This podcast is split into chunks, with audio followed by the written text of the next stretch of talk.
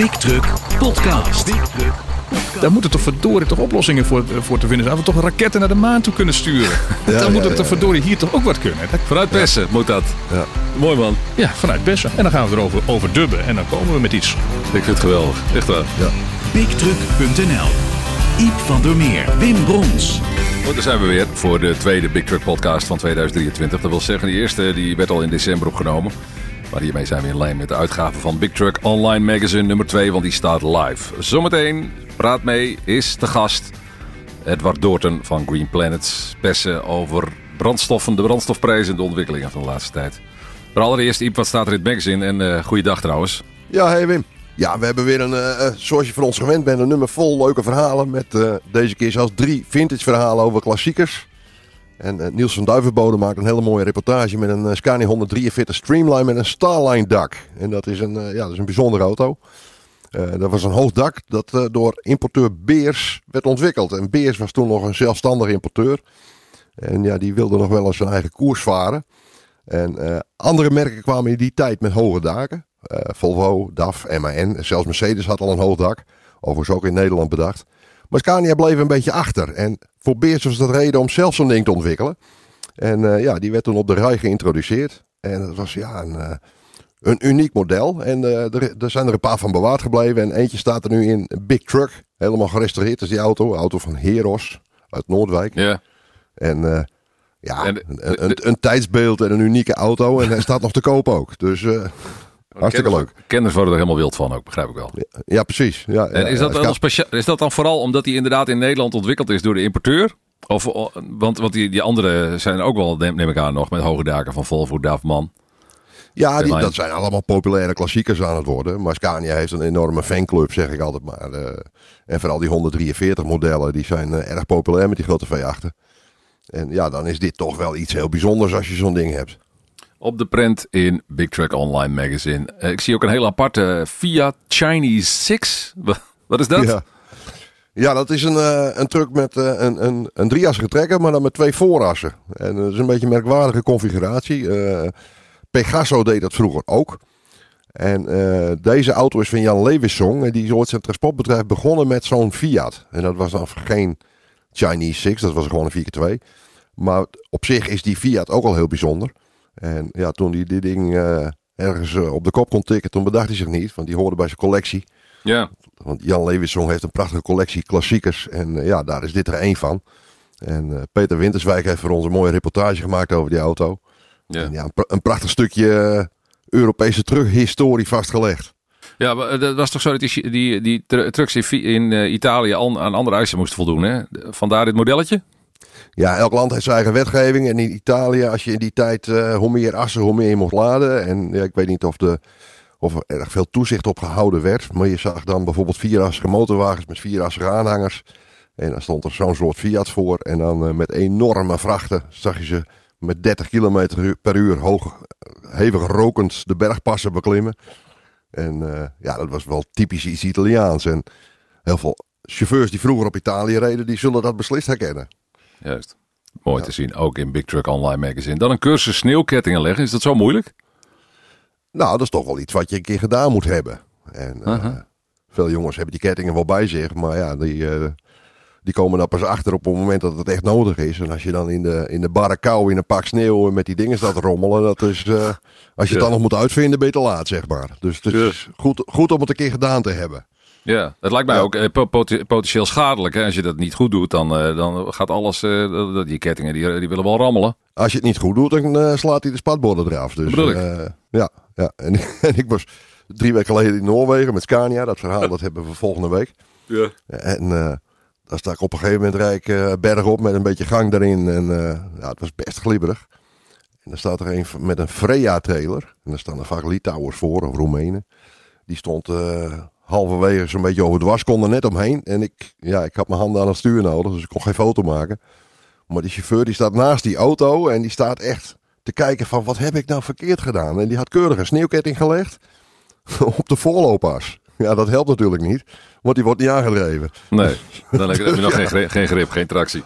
Dus een, een kleine cursus van tevoren, dat is wel aan te raden, ja. Ja. Nou ja, het is ook wat je zegt. Het is allemaal in theorie niet heel ingewikkeld, maar je moet het een keer doen ook, waarschijnlijk. Ja, precies. Ja, je moet het gewoon een keer gedaan hebben en dan, eh, dan weet je, eh, ja, dan ben je voorbereid. Zeker voor je met koude, koude vingers ergens aan het werk moet. eh, Precies. Zoiets eh, te doen, begrijp ik. Nou, dan eh, nog eh, de, de toekomst. Hè, de, de test met de e-Actros. Eh, elektrisch eh, transport. Ja, elektrische trucks, ja, of het nou willen of niet, ze komen er zeker aan. Sterker nog, ze zijn er al. Zeker in, in het distributiesegment. En ja, we hebben voor het eerst onze binnenland testroute hebben we volledig elektrisch afgelegd. Dus zonder een druppel diesel te tanken. En eh, ja, dat kan die gewoon. Dus eh, ja, op zich is er niks mis mee. Het is een, eh, een heel mooi stil en duurzaam autootje. Een eh, distributietruck. En eh, ja, hij, daar kun je prima een boodschap mee doen, zo blijkt. Mooie mijlpaal. maar, en, en het begin van wat er allemaal nog aankomt. Ja, veel chauffeurs zijn, zijn, staan daar wat negatief in. En ik ben zelf ook best sceptisch over elektrische mobiliteit. Maar ja, je werk verandert er niet door natuurlijk. Hè. Het, het is, sterker nog, het is comfortabeler en, en, en sneller dan een diesel. Ja. En eh, ja, je komt nog steeds bij je klanten. Het is nog steeds het avontuur onderweg. En eh, je bent nog steeds buiten en je zit niet in een kantoortje. Nee, het enige wat Eh. mist is de brullende motor. Maar daar hebben we het al vaker over gehad natuurlijk. Ja, precies. Ja. en, eh, maar als je in dat werk zit, is het een, heel mooie, is het een hele mooie oplossing. Alleen je bent een beetje je, flexi- een beetje je flexibiliteit kwijt. Hè? Je kunt niet halverwege zeggen van je moet nog een pallet oppikken in Groningen, want dan red je het niet. Dus ja, dan moet je misschien naar, naar Persen om bij te laden. Maar Persen. Hey Ja. Edward, goeiedag. Ja, goed om jullie zo weer te horen. Vanuit Persen, Green, Planet's eh, baas eh, Edward Doort aan de lijn.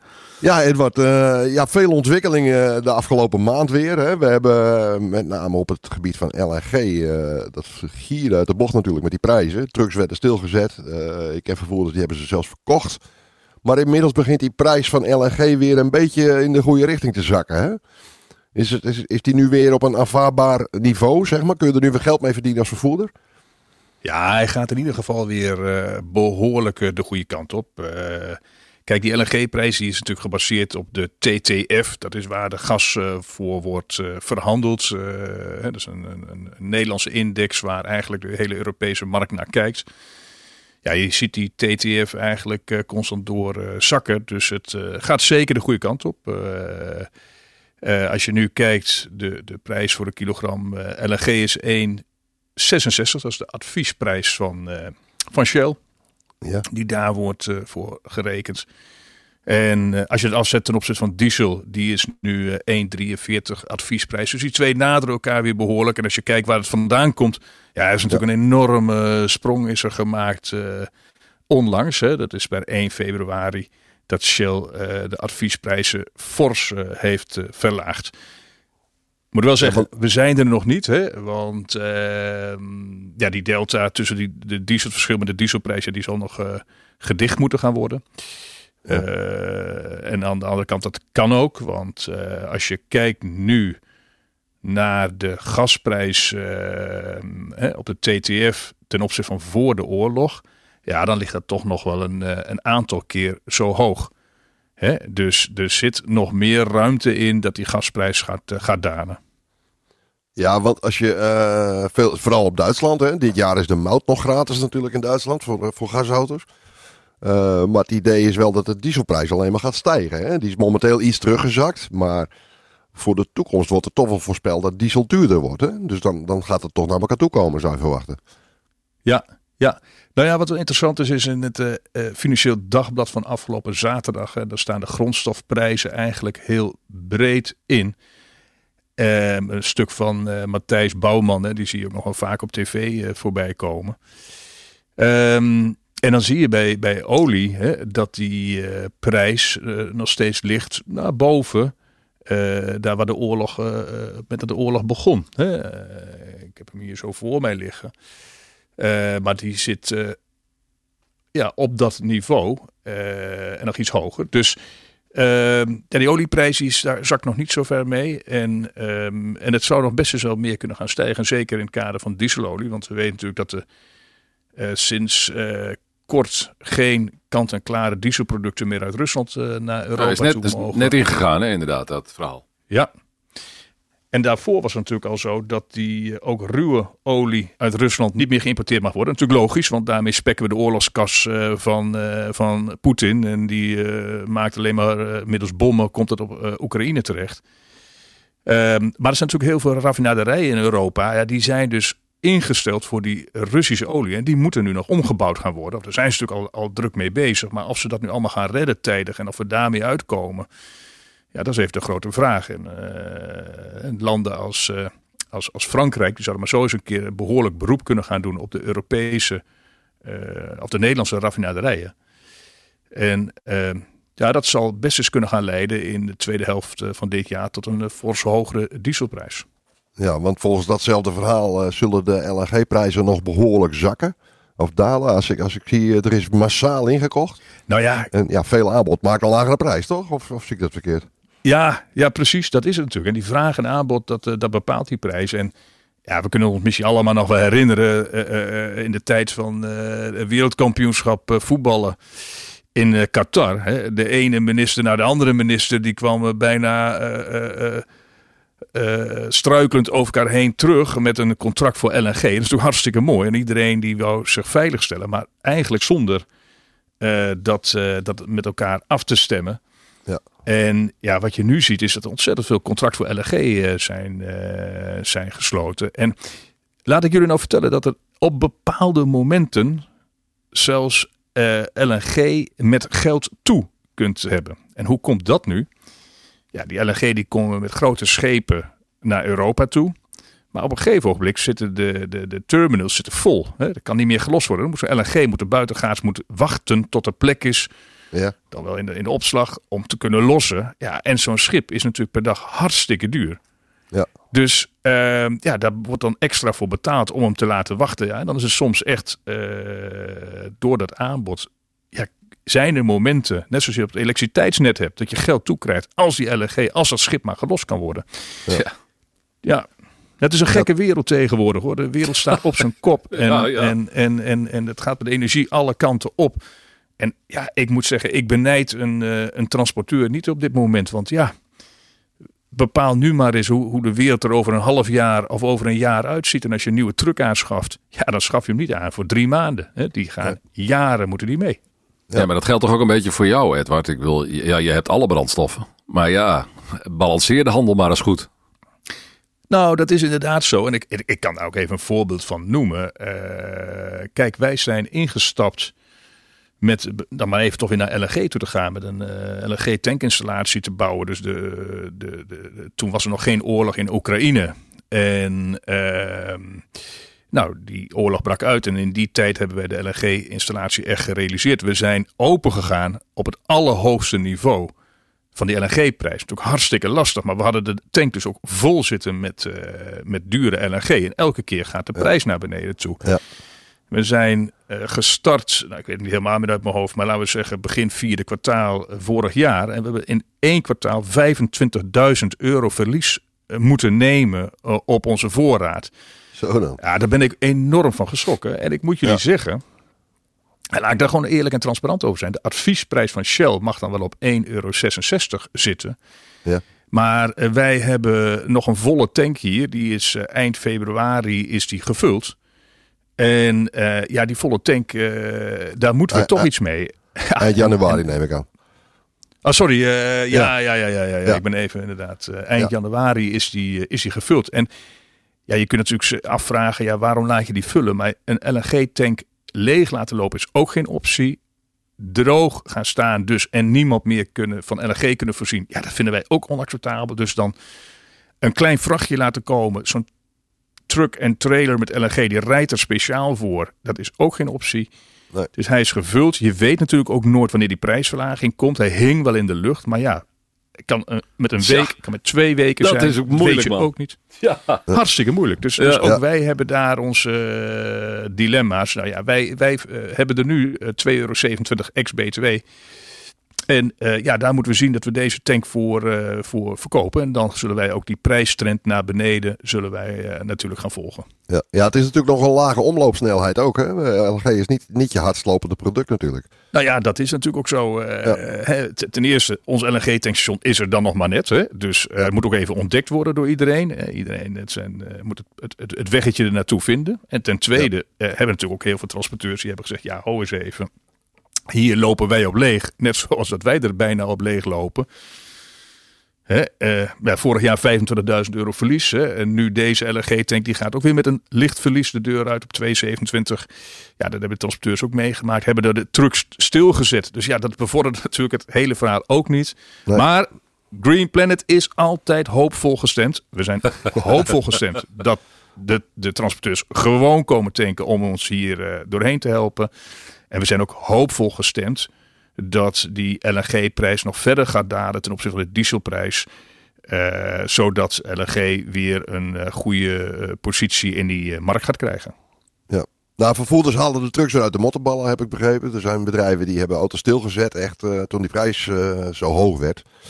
Maar die hebben nu, door de signalen dat die prijzen gaan dalen, hebben ze die trucks weer, ja, die zijn ze weer aan het, aan het rij klaarmaken. Die worden inmiddels weer ingezet.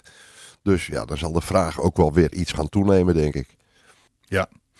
Kijk, nog een andere ontwikkeling op het gebied van het LNG. Hè. eh daar moeten we misschien er ook over ophouden, maar anders is allemaal LNG. Maar eh, er vindt nu ook een discussie plaats in de politiek. En dat gaat over de zogenaamde waarde van hernieuwbare brandstofeenheden. Dat is een eh, complex verhaal, maar het gaat erover hoe meer eh, hernieuwbaar ze zijn, hè, eh, hoe meer ze Ja. van die ticketje creëert. En dat heeft een bepaalde waarde. En dat is tot op heden altijd gebaseerd op de energieinhoud. Maar de discussie gaat erover om dat naar eh, CO2-reductie grondslag te brengen. Ja. Nou, en dan komt bio-LNG er buitengewoon gunstig uit. Zeker als die uit mestvergisting eh, komt. Nou, dat is ook een ontwikkeling die, eh, die Green Planet heel nauw volgt. En waar wij ook eh, ja, super uitdagend vinden om daar in de toekomst eh stappen in te gaan maken. Want ja, we weten allemaal ook, we hebben een mestprobleem in Nederland. Hè? We hebben een Ja. stikstofprobleem. Ja. En als we toch die twee vliegen in één klap zouden kunnen slaan. Dat we enerzijds helpen het mestprobleem op te lossen. En zodoende voor de agrariërs meer ruimte weten te creëren. Ehm, en aan de andere kant, door deze HBE, die alleen van toepassing is voor transport. Hè? Je krijgt die, die, die, die vergoeding niet voor als je het in, in, in het aardgasnetwerk stopt. Maar als je die biogas naar bio-LNG gemaakt in het transport stopt, dan kun je deze waarde creëren. Ja, en we maken het zo voor transporteurs nog weer interessanter. Ja, dat vinden wij een ontzettend gave uitdaging. Maar feit blijft, we zullen eerst nog door deze zure appel Ja, ja, ja. heen moeten eh, van eh, LNG op dit moment. Maar hij wordt steeds minder zuur. Ja, toch nog even over LNG. Want eh, met, met de enorme hoeveelheden LNG die er nu aan zitten te komen. Als ik dat verhaal in het FD eh, eh, bekijk, dan wordt er meer geïmporteerd dan ooit. Daarmee zullen de prijzen dalen. Maar daarmee wordt het ook misschien moeilijker om bio-LNG rendabel op de markt te brengen. Want ja, dan moet je hele vergisters verbouwen. En al die LNG waar we het nu over hebben, is nog steeds fossiel.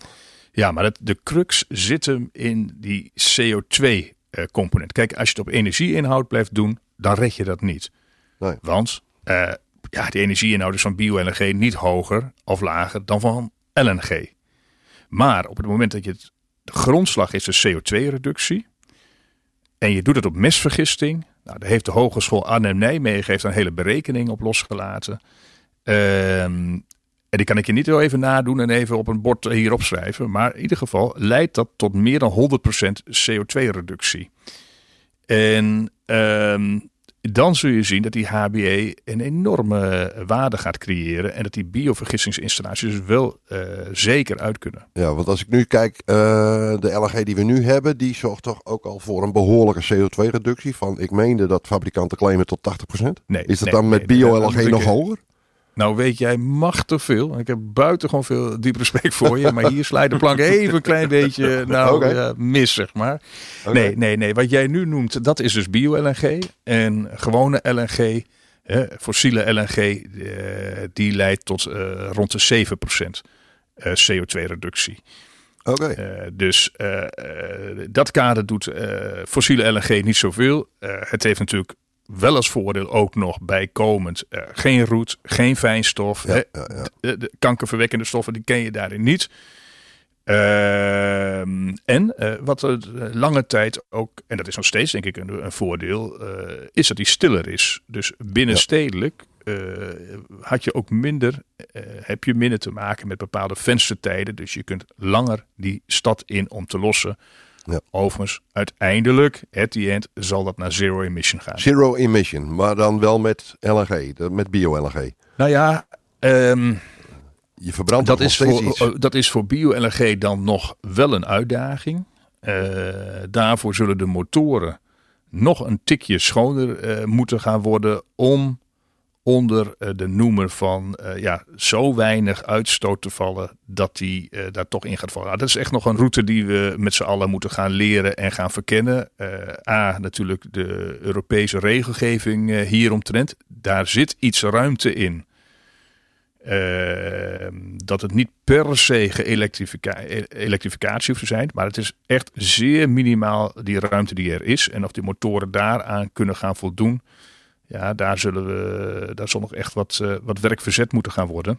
In die zin zie je toch als, eh, is het dan een, een transitiebrandstof toch? Ja, absoluut. Nou ja, kijk, ehm, ik wil het allemaal niet technisch te ingewikkeld maken. Maar eh, Green. Planet heeft eh, eh, samen met eh, de Hogeschool Arnhem-Nijmegen eh, een opzet gemaakt voor wat we noemen Zero Impact Emission. En met Zero Impact Emission, daar bedoelen wij dat de uitlaatgassen die eruit komen, dat die net zo schoon zijn als de buitenlucht die aangezogen is. Dan heeft het hè? geen impact uiteindelijk. Ja, ja, ja. Ja.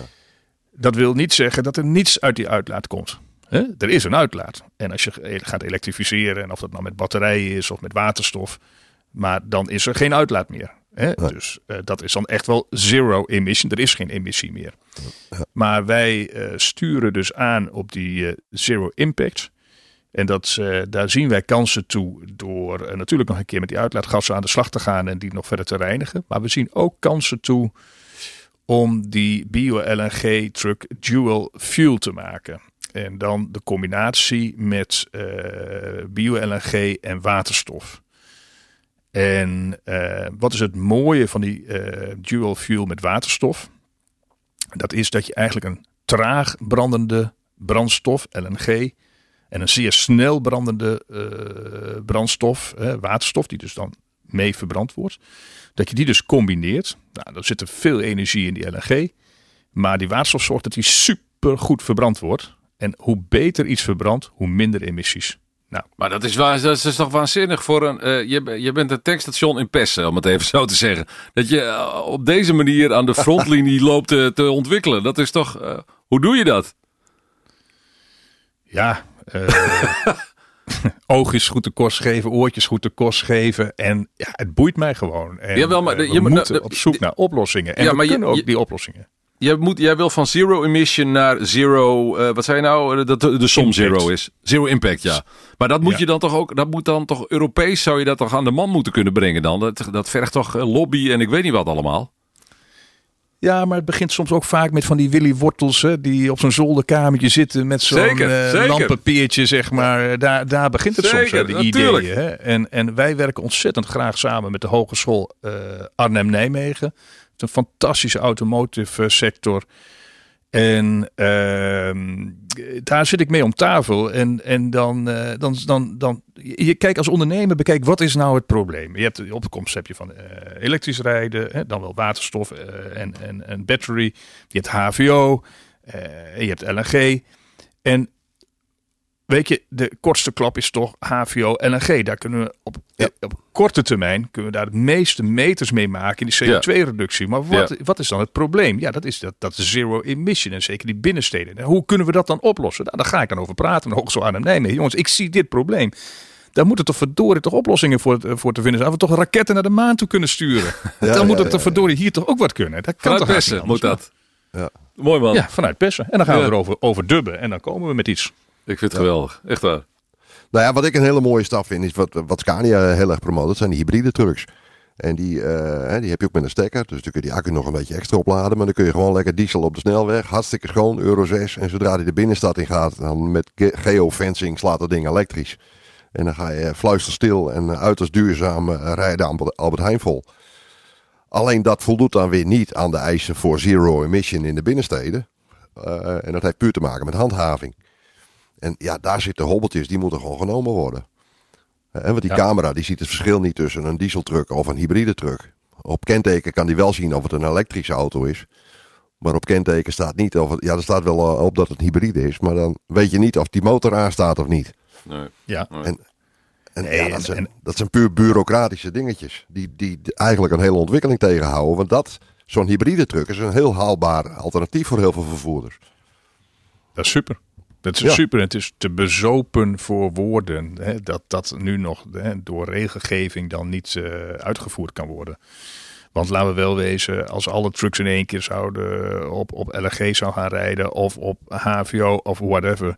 De, de, de tankinstallaties, eh, dus onvoldoende robuust nog op dit moment om ze allemaal daarvan te voorzien. Kan onmogelijk. Dus je Ja. hebt die diesel gewoon echt nog jaren keihard nodig Ja. om eh, Nederland draaiende te houden. Anders liggen we gewoon, ligt alles stil.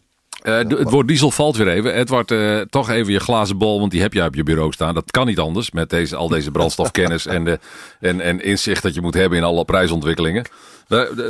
Kijk, ja, dus die gla heb je hem aan, die glazen bol? Kan de stekker er even in? Brandt het lampje? Doet hij het? Ja, ja, ja. Hij gloeit helemaal van alle kanten op, zeg maar. De- de- de- Ja, eh, ja. eh, Kun, je iets, kun je iets zinnigs zeggen over de ontwikkeling van de dieselprijs de komende maanden? Ja, nou, ik heb het net al even aangestipt natuurlijk. Ehm, ik verwacht dat die, eh, dat die gaat stijgen. En, en de, de meerdere redenen. China eh, heeft natuurlijk de lockdown eh, opgegeven eigenlijk. Het zeer strenge beleid. Dus China gaat weer op gang komen, economisch gezien. Hè. Dat, eh, dat is ook ja, wat ook eigenlijk alle economen ook aan, eh, aangeven. Nou, als de economie gaat draaien weer, dan is er meer energiebehoefte. Dus daar zal meer energie naartoe gaan. Ehm, we hebben nogmaals te maken met eh, de ontwikkelingen in, in Rusland. Die olie, ruwe olie niet meer, kant-en-klare producten niet meer deze kant op. Er is natuurlijk een soort grijze markt. Er wordt natuurlijk wat overgepompt van het ene schip naar het andere schip. Maar maakt het allemaal niet makkelijker. En, dus ja, wat dat betreft, eh, ook wat denk ik dat daar krapte gaat eh, ontstaan. Ehm, het zou zelfs kun- zo ver kunnen zijn dat er echt een zodanige dieselschaarste is dat misschien niet iedere dieselpomp meer diesel heeft. Nou, dat gaat wel heel erg gek, maar ik eh, verwacht eh, dat het laatste niet zal gaan gebeuren, maar ik verwacht wel dat die prijs zeker dit niveau zal houden en, en denk nog iets gaan stijgen. Ja, ik, ik zie. eh, Volvo heeft vorige week toevallig net nieuwe LNG-trucks geïntroduceerd weer. Hè? Met eh, een groot, nog grotere actieradius. Met grotere tanks ook. eh zuiniger motoren en hogere vermogens.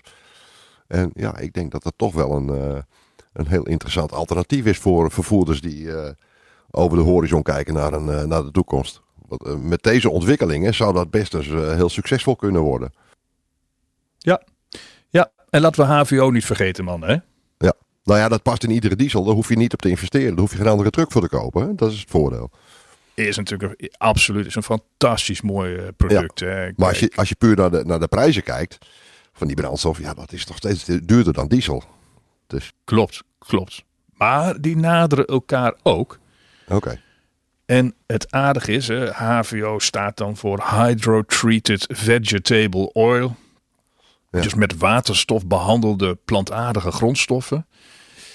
En die plantaardige grondstoffen, dat zijn vaak olieproducten. Nou, ik heb eh, hier voor mij liggen het FD, wat ik net zei, van afgelopen zaterdag. Het stuk van eh, Matthijs Bouwman. En als je dan kijkt naar de zonnebloemolie, zal ik jullie vertellen, mannen, is dat eh, de, de, de marktprijs daarvan op dit moment onder die, eh, het niveau ligt van voor de oorlog. Oh, dat is heel bijzonder. Want En dat is dus stond vol, echt, eh, O- Oekraïne stond er vol met zonnebloemen. Dat klopt, dat klopt. Maar die heeft toch nog eh, volop eh, eh, hun producten kunnen export- exporteren. Hè, door die deal die er is gesloten. Met medewerking dan van, van Turkije. Doet Turkije ook eindelijk eens een keer wat goed. En, ehm, maar Rusland is dan toch ook vol op die markt gesprongen. En de- dat heeft al, al met al toegeleid dat die prijs van zonnebloemolie ehm, lager ligt dan van voor de oorlog. En dat betekent als die grondstoffen lager zijn. En nou gaat die zonnebloem eerst, gaat erin, eh, zonnebloemolie gaat er eerst in gefrituurd worden. Die raakt helemaal verzadigd. Wordt die opgehaald. En dan gaat hij naar die HVO-fabriek toe. En dan wordt van het afvalproduct wordt er vervolgens een fantastische mooie eh, diesel eh, gemaakt. Een renewable diesel met fantastische parameters. Ehm, maar dat betekent natuurlijk wel dat, die grondstoffenprijs lager ligt. Dus die zakt, terwijl dat de Ja. diesel, de verwachting is dat die niet zakt. Nou ja, dan Ja. zou ook dat dichter bij elkaar kunnen gaan komen. Ja. Ja, ja, ja, ja. Maar als we, nog, Interessant. als we nog even terug gaan naar, naar, naar die milieuzones en zo. En dat vind ik, eh, wat ik net al zei, dat hangt dan op handhaving. Maar ik vind het eigenlijk vind ik het heel raar dat in een land als Nederland, waar we gewoon eh, een RDW hebben. De RDW die keurt voertuigen goed voor de openbare weg. En dan gaan allerlei gemeentes gaan daar wat van vinden. En dan heeft Am- Amsterdam, die stelt een maximale lengte in en een maximaal tonnage en al die milieuzones. Moet dat niet gewoon centraal op overheidsniveau geregeld worden? Dat een vervoerder weet van nou, nu heb ik een truck, daar kan ik elke stad mee in. Dat, dat is toch heel raar wat er gebeurt. Ja, het, het lijkt mij een lastig gedoe voor de transporteurs om eh, met al die steden, met allemaal verschillende eh, regeltjes, eh, om daar rekening mee te houden. Aan de andere kant, ja, iedere stad heeft misschien ook wel zijn eigen problematiek. En dan heb je natuurlijk nog de gewone politiek. die is natuurlijk, de, de politieke kleur is natuurlijk per stad ook nog weer verschillend. Hè? En die politieke kleur, ja, die brengt ook nog eens met zich mee dat daar een bepaalde richting op gaat qua regelgeving. Ja. Ze, ze mogen het doen, ze zijn autonoom natuurlijk. Hè? Dus ja, je, maar het is wel een lastige dilemma. Ja, Eigen stempel op eigen stad. Natuurlijk. Ja. ja dat is wat Jawel, gebeurt. maar als ik een landelijke vervoerder ben, dan is het natuurlijk niet uit te leggen dat ik drie types trucks nodig heb, omdat ik anders bepaalde steden niet in mag. En dat ik met die ene truck voor Amsterdam, dat ik daarmee Utrecht aan niet in zou mogen. Dat is, dat is in principe mogelijk. Als Amsterdam zegt 9 meter is het maximum en eh, Utrecht zegt 8 meter is het maximumlengte. Ja, dat zijn van die rare dingen. Of, of hier mag ik wel in met gas en waterstof en daar helemaal niet. Dat, dat, daar zou toch landelijk beleid op moeten zijn. Ja, ja, ja. Nee, mee eens. Mee eens. Eh, laten we het hopen dat het... eh, Voor het weten is er Europees Eh, eh. beleid. Hè? ja, ja, ja, Ja, Iep. ja. Hè? Dat gaat komen. Vraag dat maar aan de boeren wat daarvan komt. Ja. Ja. Eh, dan moeten we op naar Den Haag, Iep. Ja, Ja. maar even voordat het helemaal uit de hand loopt, jongens. Even flipperen. Lijkt me beter. Hè? De flippercompetitie. Ja, hoe is Ja. het met de flippercompetitie, eh, Edward?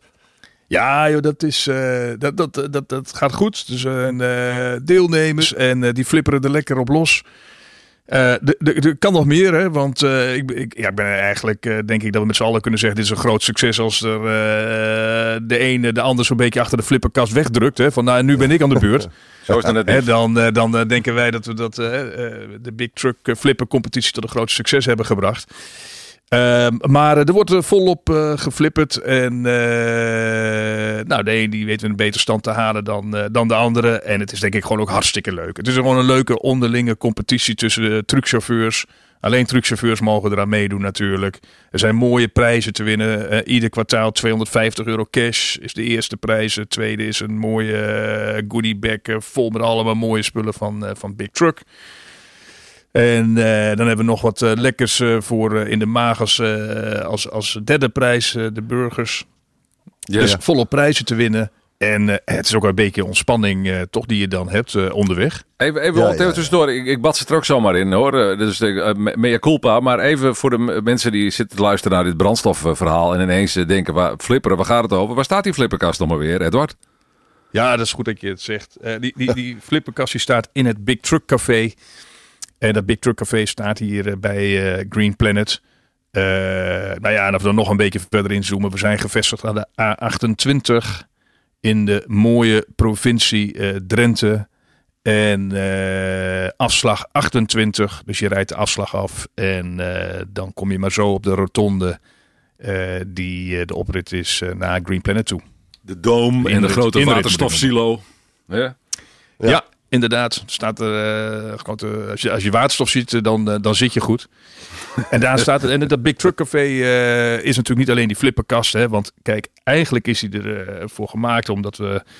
Nou ja, dat was ook met Big Truck. De mensen daar, die zeiden ook van ja, weet je, het is mooi. Die chauffeurs zijn dag en nacht bij de weg. Dag en nacht kunnen die trucks kunnen energie krijgen. Maar hoe nu met de truckchauffeurs? Kunnen die ook dag en nacht energie krijgen? Nou, en dat kan met dit Big Truck Café. Waarbij je dag en nacht eh, koffie kunt krijgen. En een warme chocolademelk, een warme soep. En je kunt de frisdrank uit de automaat halen. En eh, nog een energiereep, eh, snickers, weet ik veel wat allemaal is te krijgen. En natuurlijk niet te vergeten, er zitten ook nog twee prachtige douches in. Ja, precies, helemaal ja. super verzorgd. En je kunt je handen wassen. Er zit een, een staattafel in waar je even lekker op kunt leunen. En eventueel nog met een collega wat kunt ouwe hoeren met elkaar. Dus het is gewoon dag en nacht goed vertoeven. Even uit de cabine, even helemaal opfrissen. Zo is het. Zo is het. Ja, het belangrijkste is dat het ook na, want jullie zijn om 9 uur dicht, hè, eh, s s'avonds. Met het normale, eh, het, je normale bedrijf. Wat, wat niet iedereen weet, daar zit eh, in Big Truck eh, of in Green Planet Pessen, daar zit gewoon een, eh, een prachtig restaurant in. Hè? Daar kun je ook gewoon goed eten de hele dag. Hoe laat gaan jullie 's morgens open? Eh, zes uur eh, gaan we open.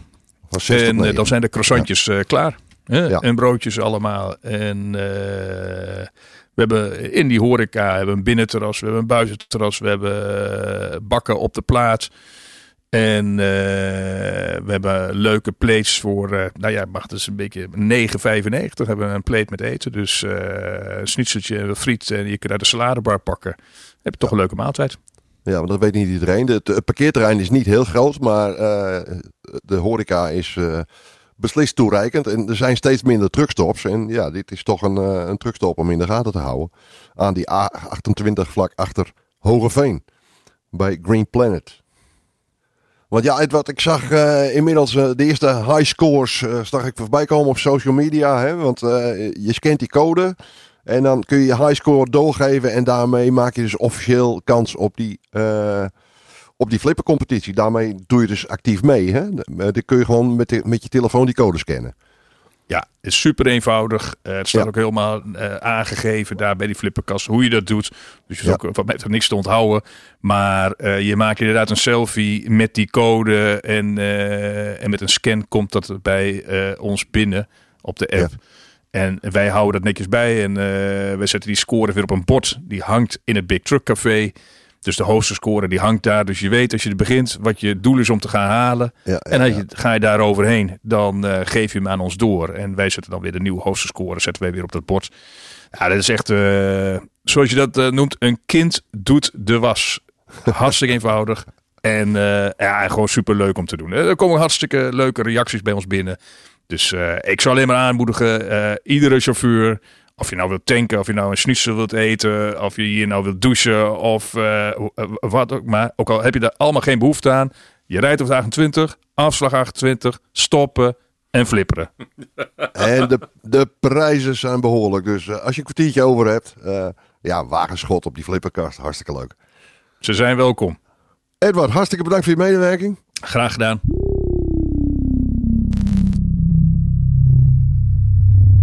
En dan is het nu tijd voor trucknieuws. En eh, ja, dat is nogal een nieuwtje. Eh 500 trucks verkocht aan één klant door Mercedes-Benz. Ja, dat is niet gering. We hebben aan de telefoon Martin Knijnenburg, Head of Sales Daimler Truck Nederland. Goeiedag Martin. Goedendag, Iep. Ja, 500 trekkers verkopen aan één klant. Dat, is, eh, dat lijkt me redelijk historisch in de geschiedenis van eh, Mercedes-Benz in Nederland. Ja, dat, eh, dat klopt. Eh, dat zijn eh, de deals die we niet elke dag doen. En als je kijkt naar het volume wat, wat we nu verkocht hebben, ja, dat is eigenlijk in, onze, in onze historie is dat de, de grootste deal tot dusver geweest voor Trucks Nederland. Ja, reed, reed deze klant op met, met jullie weer merk? Ja, ja, ja Boekstein is een, een langere relatie van ons. Ehm, ik ben zelf vier jaar geleden bij Trucks Nederland begonnen aan de, aan de fleet sales kant. En eh, ja, voor die tijd zijn er al auto's eh, verkocht, maar die samenwerking hebben we zeg maar de ja, afgelopen vier jaar eh, kunnen vergroten. Oké. En over wat voor periode strekt zich dit uit? Want ik kan me voorstellen dat die niet in één keer wordt afgeleverd. Nee, dat klopt. Eh, dit is een eh, deal eh, eh, uit 2021. Eh, dat was eigenlijk eh, voordat eh, ja, de wereld op zijn kop ging eh, qua eh, eh, tekorten van, van onderdelen, chips en dat soort dingen. Ehm, ja, de insteek was eigenlijk om, eh, om eh, deze deal in 2022 eh, volledig uit te leveren. Maar goed, zoals iedereen ervaren heeft, zitten bij ons ook in de, in de productie wat uitdagingen. Met als resultaat dat we ook ja, minimaal de helft van de 2023 met deze uitlevering bezig zijn. Oké. En die auto's worden geleverd via Wensink in Zwolle, dacht ik? Ja, dat klopt. Eh, we laten de auto's, nadat ze de fabriek verlaten, lossen in, eh, in Zwolle, bij Wensink eh, Zwolle. En daar hebben we een, een team klaarstaan van, van monteurs ja, die de auto's aanpakken, opbouwen in de werkplaats en gereed maken voor, voor aflevering aan de klant. Ja, want dit, dit soort aantallen, dat vergt nogal wat van een organisatie, kan ik me voorstellen. Want je hebt heel veel handjes nodig. Ja, ja dat klopt. Ehm, eh, het is eigenlijk eh, straatjeswerk noemen wij dat. Hè. Dus de, de truck zetten we achter elkaar. En elke monteur doet, eh, doet zijn eigen onderdeeltje in de, in de, in de hele keten. Maar dat, dat vergt eh, veel organisatie. Eh, dat begint al met eh, het zoeken van parkeerruimte voor de, voor de voertuigen. Want eh, ja, goed, eh, het is natuurlijk een, eh, een, een, een bufferen van voertuigen. En dan moeten ze nog inderdaad eh, door, de, door de werkplaats heen. En, eh, maar dat geldt, ook met het eh, inkopen van, eh, ja, van, van, van zaken die op de, op, eh, op de trucks geschroefd moeten worden. Bijvoorbeeld RVS-kisten. Ja. Ja, die hebben we dan eh, klaarstaan. Eh, we maken pakketten daarvan. Die pakketten worden in de, eh, in de werkplaats gezet en die worden dan op de voertuigen geschroefd. En dat gaat dan volgens het principe van Ford eigenlijk. Zelfs in, bij de aflevering. Ja, ja, ja. ja de, de eerste auto is het moeilijkst en eh, ik denk dat de laatste heel eenvoudig eh, gaat. Maar eh, ja, de, goed, de, de serieproductie dringt ook door bij de aflevering bij zulke soort aantallen. ja, ja, ja, ja, Ja, ja, ja. dat Geweldig. klopt. Dat klopt. Ja. Ja. Oké, hoe, lang, kits, die, die zetten we in kisten bij de, bij de truck en die worden er dan opgeschroefd. hoe, hoe lang gaat zo'n gaat zo'n klant ermee rijden? Want ik kan me voorstellen dat dit, dat dit lease is. Eh, hoe, hoe, hoe lang eh, blijven die dingen in de vloot? Eh insteek is dat deze auto's eh, zes jaar eh, gaan rijden. Oh, dat is vrij lang. Ja. Oké. En dan volledig met reparatie-onderhoudscontract via jullie? Of? Ja, ik heb de auto's, of we zetten een, een internationaal reparatie-onderhoudscontract op de auto's. Eh, de auto's ja, rijden door heel Europa heen. Eh, Ja. eh, en met het internationale reparatie-onderhoudscontract kan de auto in elke Mercedes-Benz werkplaats in Europa naar binnen. Oké. Dus het maakt niet uit of de auto in, in Potsdam op dat moment staat of in Nederland, in Rotterdam. Eh, dan, dan kan het voertuig ja, naar de dichtstbijzijnde Mercedes-Benz die er voor ze omhoudt. Ja. En is, is Boekenstein is die ineens zo verschrikkelijk aan het groeien? Of is dit vervanging? Of hoe moet ik dat zien? Nee, dit is. eh ja, Boekestein zit, eh, zit eh, qua groei aardig in de lift. Ehm, ja, als je kijkt naar de afgelopen twee jaar, dan zijn ze gegroeid van, van 500 naar, naar 1000 eh, voertuigen. Zo. En eh, ja, ze springen in een aardige niche wat, wat dat betreft. Dus eh, ja, de verwachting is dat die groei eh, doorzet. Ja, wat heb je, weet je wat ze precies doen met die auto's? Wat voor specialisme hebben ze? Ehm specialisme zit hem in, voor een deel in eh, het, transport van hoogwaardige eh, eh, goederen. Ehm, Maar 80% van, van hun activiteiten ligt in, in trucking. Ze rijden dus met, de, met de voertuigen en met een vaste, met een vaste chauffeur voor vaste partners, waarmee zij langdurige contracten hebben. Oké. En, en hoeveel van deze auto's komen er op Nederlands kenteken uiteindelijk? Weet je dat? Ehm, weet ik niet helemaal. Ehm, het, het, het, de hoofdmoot gaat Pools kenteken, UK, eh, UK kenteken. Ehm, ze hebben tien locaties in Europa. Ja. En eh, ja, daar wordt, eh, wordt het spel een beetje tussen gespeeld. Ja. Ja, worden ze eerst allemaal in Nederland geregistreerd eigenlijk? Deels. Deels. Deels. Oké. Dat is wel leuk voor de marktaandelen. Ja, ja, ja. dat klopt. Ja, Maar marktendeel marktendeel kan je niet altijd eten. Dat, eh. nee, dat, dat, dat is waar. Maar het staat wel leuk in de cijfertjes natuurlijk. ja, ja, absoluut. absoluut. Ja. Nou, dat, ja, dat wordt wel even, dit- is wel gevierd, neem ik aan, op de zaak. Eh, dit eh, dit vond plaats in coronatijd. Dus, Oh, eh, ja. Och, dus ik, ik zat samen met een collega op kantoor en de rest eh, was leeg hier. Dus, dus eh, het was een Zoom-party om 500... eh ja, ja, het was een. Ja, We hebben een bak koffie opgenomen. Ja. oké. Maar als we nou, eh, want dit, dit zijn allemaal de grootste cabines. Dus eh, ja, dat heeft natuurlijk ook inruiltechnisch heeft dat weer voordelen. Hè? Eh, Mm, ja, deels. Het, het, is niet eens de insteek geweest om, eh, om naar de inruilwaarde te kijken. De, ja, we weten allemaal dat, de- dat, de- dat, de- dat de grote chauffeurs tekorten zijn. En het is eh, lastig om aan chauffeurs te komen. Ja. Dus wat je ziet, en dat zie je ook in, in, in onze hele branche bij onze klantengroepen, dat de auto's toch wel wat dikker eh, worden en eh, bij- eh, meer aangekleed. Ja. Eh, en dat, is, eh, dat heeft ook als resultaat bij Boekstein bijvoorbeeld, dat eh, de voertuigen voorzien zijn van een gigaspace cabine, dat onze grootste cabine.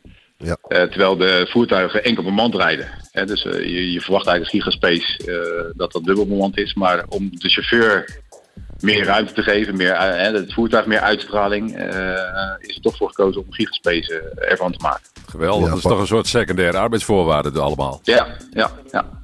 Ja, past in de trend. Hè? De chauffeurs een beetje verwennen, dan blijven ze langer hangen. Of je kunt makkelijker aan chauffeurs komen.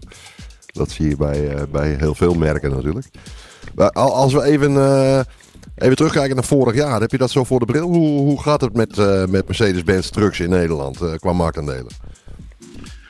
Ja, ehm, op zich, ondanks alle uitdagingen, zijn we heel tevreden met, met 2022. Eh marktaandeel technisch zijn we gegroeid. Ehm, als je het, het segment boven de 6 ton trucks pakt, dan, dan hebben we het jaar afgesloten met ja, eh, ongeveer 16,2% marktaandeel. Ehm, ja, wat, wat een groei is ten opzichte van 2021. Oké. En die nieuwe aandrijflijn, wat ik neem aan dat die hier ook in zit in deze auto's. Ja, de, de voertuigen die vanaf oktober 2022 eh, van de band afrollen, daar zit de derde generatie OM-motoren in. Ja. Eh, die, ja, die, die 4% zuiniger zijn ten opzichte van de vorige generatie. Ja.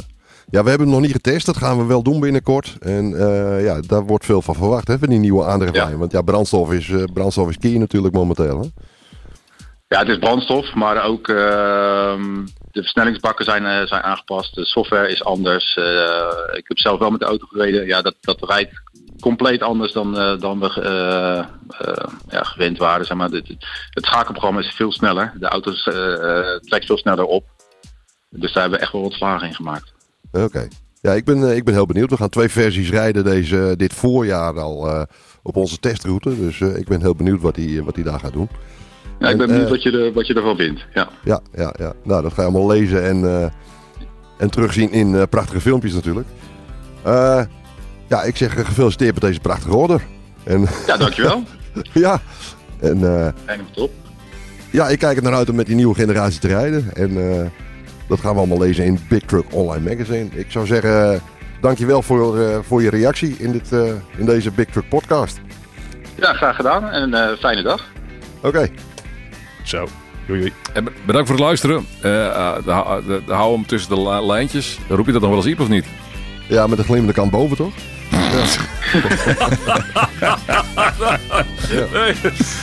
doeg, doeg. Je vindt ons op Spotify, Apple Podcasts, Google Podcasts of in je eigen favoriete podcast-app. Abonneer je helemaal gratis en krijg elke update en podcast automatisch in je player.